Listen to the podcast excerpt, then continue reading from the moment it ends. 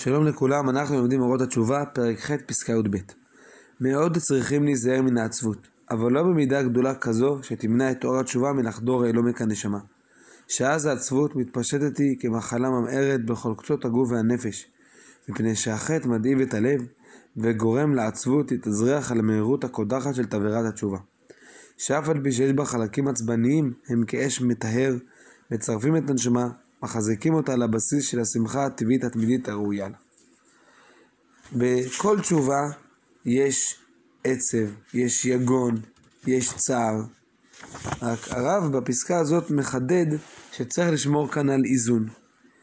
יש תבערת התשובה, אה, יש, אה, האדם מרגיש איזה מין אה, בעירה פנימית, אבל לא במובן של ההתלהבות, אלא במובן ההפוך, של האיסורי מצפון, של, ה... של ההתמודדות עם, ה... עם, ה... עם החטא, עם... עם מה שהיה. וזה גם קשור למרירות, למה שמכונה בחסידות לב נשבר, לתחושה שחייבים ש... לעשות משהו. ויש גם חלקים של עצבות, כפשוטו, עצבות של אה, דיכאון, עצבות שאדם אה, מרגיש חוסר אונים. כן, אני חוזר שוב, בפעם הקודמת הזכרנו את ההבחנה בחסדות בין עצבות ללב נשבר. שלב נשבר מוביל את האדם לעשייה, להתפתחות, ואילו עצבות מובילה את האדם לשיתוק. אז רב אומר שמאוד צריכים להיזהר מן העצבות, אבל לא במידה גדולה כזו שתמנע את אור התשובה מלחדור אל עומק הנשמה. אי אפשר ל... ל... להימנע לגמרי מעצבות, בגלל שזה חלק מתשובה. אם אדם אומר, אני אחזור בתשובה ואני לא אהיה עצוב. חרטה, חלק, חלק מבניין התשובה קשור לעצבות. אבל צריך להיזהר שהעצבות לא תתפשט כמחלה ממארת בכל קצות הגוף והנפש. כי בגלל שהרי החטא מדאיב את הלב וגורם לעצבות להתאזרח על המהירות הקודחת של תבערת התשובה. יש תשובה, יש תבערת תשובה, יש מהירות, וזה עלול להיות שזה יופנה לגמרי לעצבות. זה לא טוב. צריך שיהיה עצבות מאוד במידה.